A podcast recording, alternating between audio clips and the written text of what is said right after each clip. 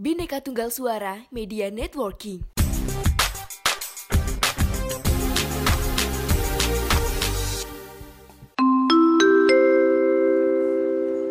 Mohon perhatian. Sekali lagi kami sampaikan, bikin podcast dengan Anchor dijamin gampang. Gak percaya? Langsung buktiin aja. Anchor, teman setia podcaster.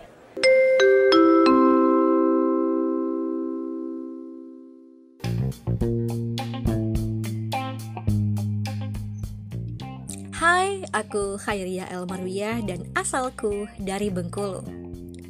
Teman-teman, kita baru aja merayakan Hari Kemerdekaan Indonesia yang jatuh pada tanggal 17 Agustus 2022 lalu.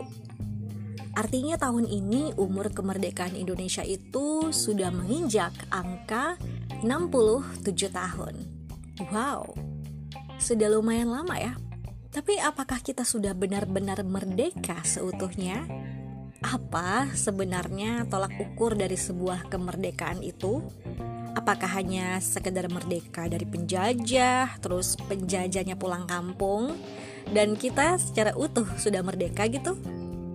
Berdasarkan Kamus Besar Bahasa Indonesia, merdeka itu adalah bebas dari perhambaan, penjajahan, dan sebagainya berdiri sendiri, tidak terkena atau lepas dari tuntutan, tidak terikat, tidak bergantung kepada orang atau pihak tertentu, leluasa.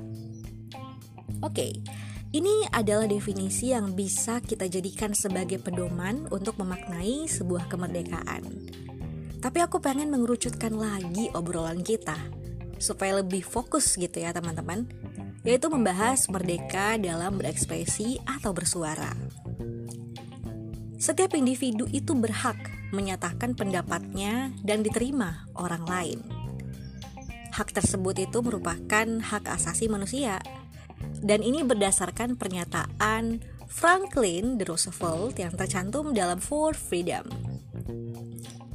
Dan negara kita, Indonesia juga punya undang-undang atau pengaturan hukum mengenai hak kebebasan berpendapat dalam Undang-Undang Dasar Republik Indonesia tahun 1945.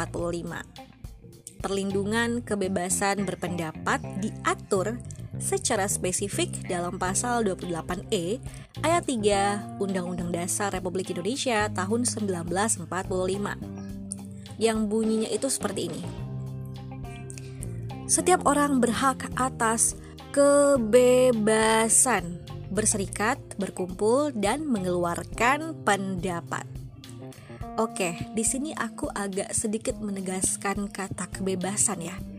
Karena faktanya teman-teman, kata bebas itu sering kali disalahartikan oleh beberapa pihak.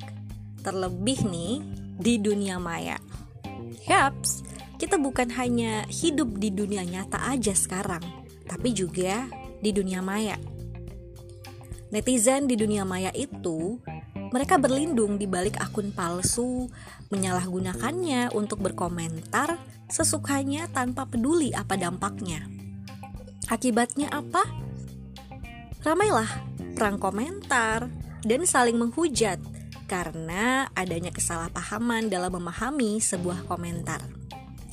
Nah, pemerintah akhirnya pun mengeluarkan UU ITE supaya para netizen di dunia maya ini lebih terarah lah dan tidak sesuka hati dalam berkomentar gitu. Gak heran lah ya, kalau Indonesia dicap sebagai netizen yang paling tidak sopan sedunia nih, berdasarkan survei yang dilakukan oleh Microsoft.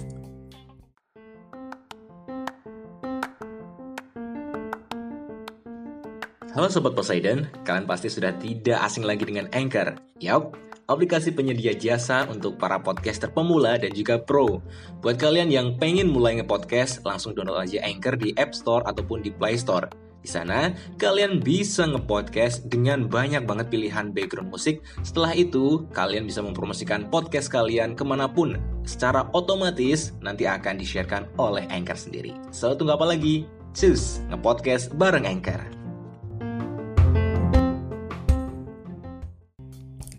Balik lagi ke makna bebas. Bebas dalam undang-undang adalah bebas yang terarah ya.